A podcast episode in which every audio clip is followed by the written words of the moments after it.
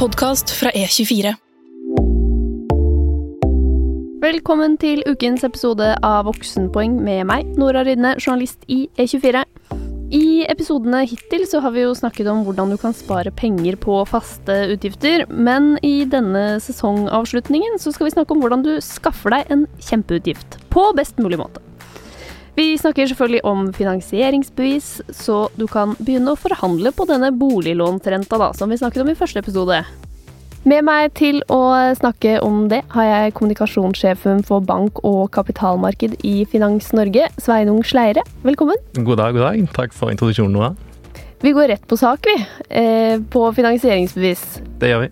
Hvem bestemmer hvor mye lån bankene kan gi ut? For det er jo ikke bare bankene som sitter og sjefer over det. Nei, nå er det jo heldigvis ikke sånn at det sitter en uh, avdeling inni et eller annet departement og sier så og så mange millioner eller milliarder er det lov å låne ut i dette kvartalet her. Det, det er jo et uh, ganske sammensatt uh, spørsmål, for det avhenger jo av markedsforholdene. Altså hvor er vi i den, liksom, den økonomiske syklusen? Hva er renten, styringsrenten, som bestemmer mye av farten i økonomien, ikke sant? og det, etterspørselen etter kreditt. Så etterspørselen etter kreditt kommer jo ifra bedriftene og oss, husholdningene. Så har bedriftene behov for å låne ekstra penger for å investere eller ansette flere mennesker eller vokse i nye markeder. Så er de helt avhengig av å ha banken der til stede for å få det lånet de trenger. Og vi, når vi skal kjøpe bolig, når vi skal kjøpe bil, ut og reise, så trenger vi ofte ekstra eller, Trenger kreditt til dette, da. Trenger lån. Så, så det, i det skjæringspunktet, når tilbud og etterspørsel etter kreditt møtes, så, så, finner vi, så, finner vi, rentenivået. Mm. Så det er, det er, prisen på penger, prisen på penger over tid. Og så er det jo da eh, for at folk ikke bare kan ta opp eh, boliglån i hytt og pine, da, og at eh, mange skal få problemer når man f.eks. setter opp renta, så kan jo ikke bankene bare styre fritt. Eh, så vi har jo noen regler vi som er fastsatt av Finansdepartementet. Ja. Hva er de nå? Fordi altså, de driver de jo endrer litt på innimellom. Det endrer seg innimellom. Det begynte vel som, en, som retningslinjer i 2010. Eh, og da var, det, da var det retningslinjer for mye hvordan bankene skulle låne ut til private til husholdningene. Eh, det ble formalisert i en forskrift i 2015, eh, og så ble det gjort endringer flere ganger etter det, og senest i 2017. Der det ble gjort ganske store endringer med at du fikk et egenkapitalkrav på 15% og et makstak på gjeldsgraden som var fem ganger inntekt. Og, og, og ved årsskiftet nå, til nå senest, så ble jo da både utlåns på bolig og forbrukslån slått sammen i, i en og samme forskrift. Så ehm, ja, det er, det er, relativt strenge kriterier som er satt. Og det er politisk bestemt. Det er politikerne som har satt disse kravene. Og det er noe som bankene må etterleve. Mm. Så um, du har jo noen visse unntak som, som, går på disse fleksibilitetskvotene, som gjør at du får et visst, visst rom for skjønn. Uh, og det er på, på 10 uh, i kvartalet, men noe strengere i Oslo, på 8 mm. Og da må bankene selv inn og se. Vi, vil vi stole på at du er god nok til å være med i denne 8% eller 10% andelen som får lov til å låne mer enn fem ganger inntekt. Eh, helt riktig. Og det, det, ligger jo ganske stabilt. og det kom, ganske, det kom en rapport på dette i går senest fra, fra Finanstilsynet som viser at eh, bruken av disse fleksibilitetskvotene ligger ganske, ganske likt, jevnt, på rundt pluss-minus 6% Så det er noe lavere i Oslo og noe høyere i ellers i landet. Mm. Så de så, fyller dem faktisk ikke? De fyller de ikke opp. Ja. Nei, så det er, det er forsvarlig bankdrift som, som, skjer. Men, eh, men, men, det er klart det er strenge kriterier, og det, dette, er, dette, er, pålagt av myndighetene. Og, og bankene følger opp og, og, bruker det skjønnsrommet som faktisk finnes i fleksibilitetskvotene, til å få først og fremst til førstegangskjøpere, til de yngre. De som ligger litt sånn i grenseland på, liksom, på disse kriteriene. Og de som opplever f.eks. samlivsbrudd eller andre uventa hendelser i livet, der de har trenger banken for å, for å støtte seg på, komme gjennom en vanskelig periode. Ja. Så da, da, har du et visst handlingsrom, men det er klart, det er strenge kriterier som ligger her. Så utover de tingene der, hvilke faktorer er det banken liksom ser på hvis eh, jeg f.eks. da skal inn og søke om finansieringsbevis? Det som er aller viktigst, og det som er bankenes spesialkompetanse, det er å gjøre en grundig kredittvurdering. Og det skal de gjøre av hver enkelt kunde. Så da skal de se på din, eh, på din økonomi, ikke sant? På, på, hva har du av eiendeler, hva har du av egenkapital fra før av, og hva har du av forpliktelser, altså gjeld. Mm. Forbrukslån, kredittkort, alt. Hele summen. Og da er det viktig at har du et kredittkort, så er det rammen på det kredittkortet som skal telles med. Så hvis du har et kredittkort på 50 000, så er det den rammen som skal tas med, og ikke kun de 1000 kroner du kanskje har tatt opp på kortet. Oi, det så Derfor er det veldig viktig å sjekke grundig hva du har, og få en full oversikt på alt. Gjerne rydde opp i, i kredittkortene. Så, så, så, stiller du sterkere på hvor mye, mye, du faktisk kan låne. Betyr det at hvis jeg har liksom fem kredittkort for det er jo ingen grense for hvor mange kredittkort du kan ha, så lenge du på en måte ikke ja, makser har, dem alle. Det har jo vært Nei, det er jo en eh, vært, du, du, kan jo ha flere kredittkort. Og ofte blir de bare liggende i lommeboken. Altså, de, de blir jo ikke brukt. Og, men når du skal søke lån, så er det litt kjedelig å ha de liggende, fordi de blir telt med. Det ante jeg ikke. Ja, det var bra du sa. Ok, så eh, hvis jeg da eh, har, skal makse finansieringsbeviset mitt, og har eh, noen kredittkort jeg ikke bruker, ja. som jeg ikke trenger, så burde ja. jeg faktisk bare si opp det? Da må du gå inn og si opp alle kredittkortene dine. Mm. Men det, det, Så kan jeg ta dem tilbake etter at jeg har fått det finansieringsbeviset, eller? Ja, men det er samla gjeld, ikke sant, som gjelder. Ja. Så det er fem ganger inntekt. Og, og, og så her er, det, her er det viktig å tenke på hele den samla gjelden din. Ja. ja. Så det bankene ser på, er både gjelden jeg har, men også mitt potensial for å ta opp mer gjeld, egentlig. Ja. Interessant. Helt riktig. Nettopp. Og så er det da studielån og alt sånt som også ja, går inn, da. Absolutt. Så her kan man gå inn på Norsk gjeldsinformasjon f.eks. Logge seg inn, søke opp og få en oversikt over det man måtte ha. Så det, det, er et godt tips å, å logge inn og, og hente ut uh, den type informasjon om seg selv. Og der kan man finne ting som man kanskje har glemt, eller noe som, som absolutt må tas med i den beregningen. Ah, veldig bra liten hack der. Liten hack. og så er det disse 15% egenkapitalen, da. Eh, der du trekker fra gjeld. Eh, og så må du kunne betale en stor del, da. I hvert fall hvis man skal betale bolig. Men er det sånn at alle må ha egenkapital på 15 eller går den også inn i den der unntaksregelen for inntekt? Ja, eller det, dette er jo Hvis du ser for deg at det er to sånne klare, tydelige kriterier, da. Og egenkapitalkravet er jo ett av de. Eh, belåningsgraden. Og så har du gjeldsgraden, som er hvor mye du har i forhold til inntekt. Så dette egenkapitalkravet på 15% det, det ligger der. Det er liksom det er den, eh, hva skal man kalle det for, den første bøygen du må, du må komme rundt. Ja. Så, eh, så, dette er et eh, Det er jo et betydelig Det er jo et stort Det kan jo bli store beløp, og det tar tid å spare opp såpass mye kapital. Og når du har boligprisvekst som kanskje løper litt raskere enn veksten i inntektene, så, så, så, så, er det jo for mange veldig vanskelig å komme inn forbi de kravene som er satt av eh, departementet. Men igjen, bankene har et visst rom for å vise skjønn og, og, og få inn eh, de som de mener har mulighet til å ta opp et noe større lån, basert på de kredittvurderingene som banken gjør. Så en viss grad av skjønn finnes, men det er klart, det, det er jo begrensa. Ja, ok, Så den der med egenkapital, den går også inn under den der eh, andelen man kan unnta? Ja, på ja. fleksibilitetskvotene. Ja. Eh, absolutt. Ja, absolutt. Det gjelder både egenkapitalkravet og uh, inntektskravet. Ja, helt riktig. Helt Nettopp. Riktig. Ja. Men eh, denne her eh, magiske unntakskvota, da. Ja. Hvordan kommer man seg med på den? Ja, Det er jo ikke noe mål i seg selv å komme inn der, for så vidt. Okay. Eh, og bankene har jo en frarådningsplikt også, hvis den er litt sånn, hvis det er i tvil om, om man har den evnen til å ta opp lån, så har du en frarådningsplikt til å ta opp lån. Eh, men, eh, men, hvordan man kommer seg inn Det finnes Litt ulike alternativer til det. Um, for det første så, så, er det jo dette med å være veldig dedikert på sparingen. Å være veldig disiplinert og dedikert på sparing. Det er jo det første kriteriet. Uh, og hvis det er mulighet til å få med f.eks. en eh, medlåntaker, så stiller man jo sterkere. Du bygger, du bygger, mer sikkerhet for banken hvis du er to som går sammen, f.eks.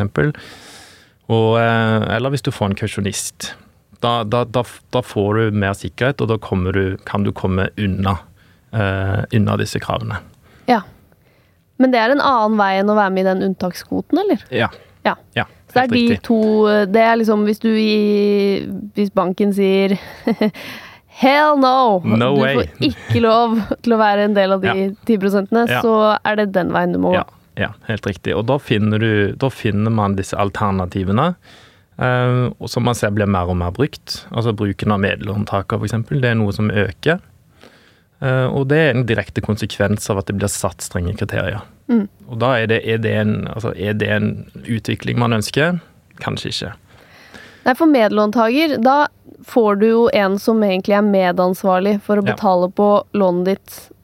Og det er jo kanskje ikke Det er jo vel egentlig bankens måte å si 'vi tror ikke du kan bære dette lånet alene'. Ja, da, da en medlåntaker har like mye ansvar for lånet som du selv. Ja. Da er du helt helt sidestilt. Ja. Så, så det, da, da, får banken en større sikkerhet, fordi at du har Altså, da har du mer, og, mer sikkerhet i lånet.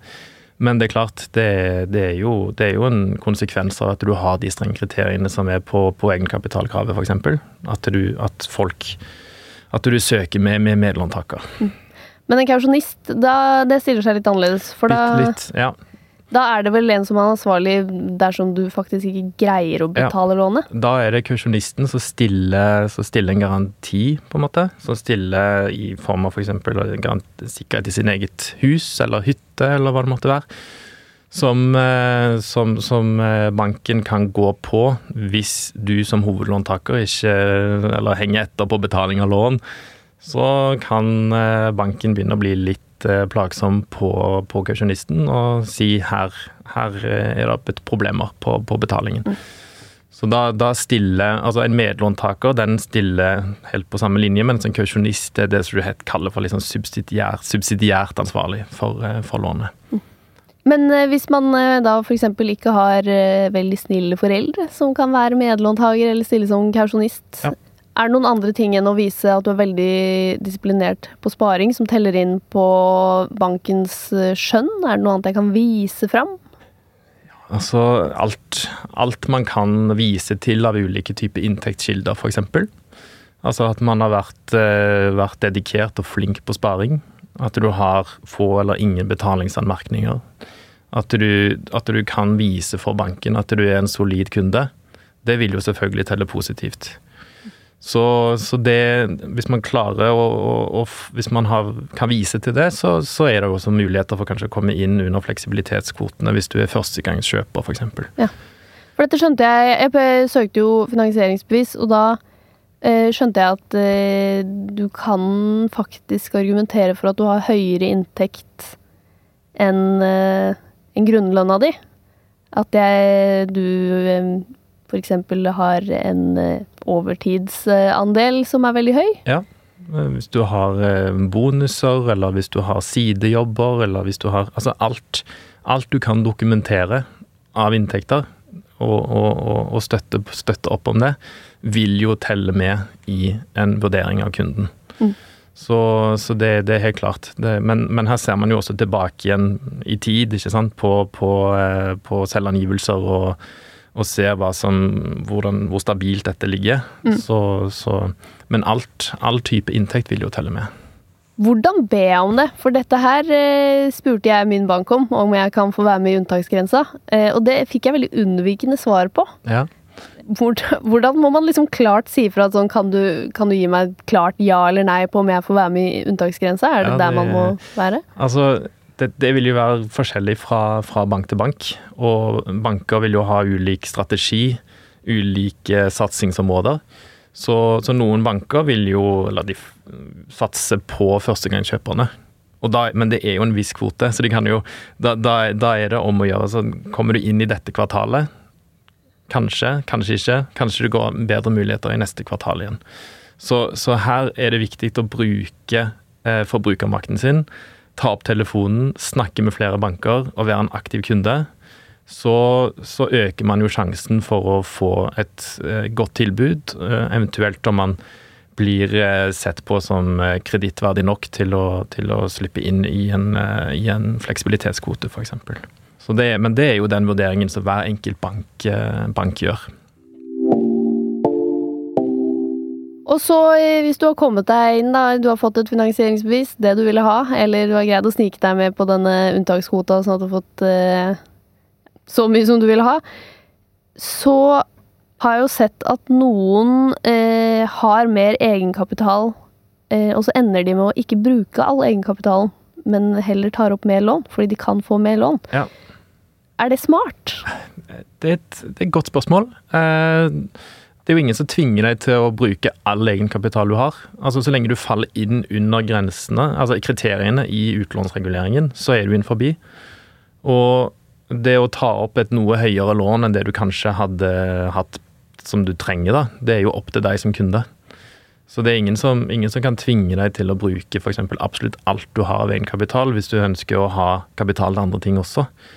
Så, eh, så, men, men, igjen, altså lån koster. Du skal betale renter på det. Du skal betale avdrag. Og er du over 60 eh, belåningsgrad f.eks., så er det jo avdragsplikt. Så, så det, det, det koster å låne penger. Og, og det, det, å sitte med penger i banken f.eks. istedenfor å betale ned på lån, det er kanskje ikke det smarteste. Nei, så eventuelt så, hvis du har noe i fond som du kanskje ikke har, eller ja, aksjer? Hvis du, hvis, du, hvis du, satser på det og tenker at du får bedre avkastning på de pengene, eller du ønsker å bruke penger på andre ting, så står du jo helt fritt til det. Mm. Så, så det er jo opp til kunden å bestemme. Du sa over 60 belåningsgrad. Ja. Da har man avdragsplikt, var det du sa? Ja, det ligger det? også i, i forskriften. Ja. Så, så, det er en det er et eh, Altså utover disse kriteriene på gjeldsgrad og belåningsgrad, så skal du stressteste. Altså du skal legge på 5 prosentpoeng på renten, bare for å se klarer du en renteøkning. Har du nok eh, Tåler du det? Eh, og har du en belåningsgrad som er over 60% så skal du betale avdrag på lånet. Det ligger en, eh, en, en, en plikt inne på det. Ja. For å få ned, altså, så, så, da er det liksom å søke mest mulig og få, få nedbetalt lånet så, så, fort som mulig. Mm. Og da har de en egen nøkkel for å regne ut liksom hvor mye du faktisk kan bære. Og da regner ikke du med eller banken regner da ikke med at jeg kan teknisk sett leve på vann og eh, nudler i ja, tre måneder. Det, det, det, er vel litt av det som ligger i den eh, stresstesten på 5% høyere rente.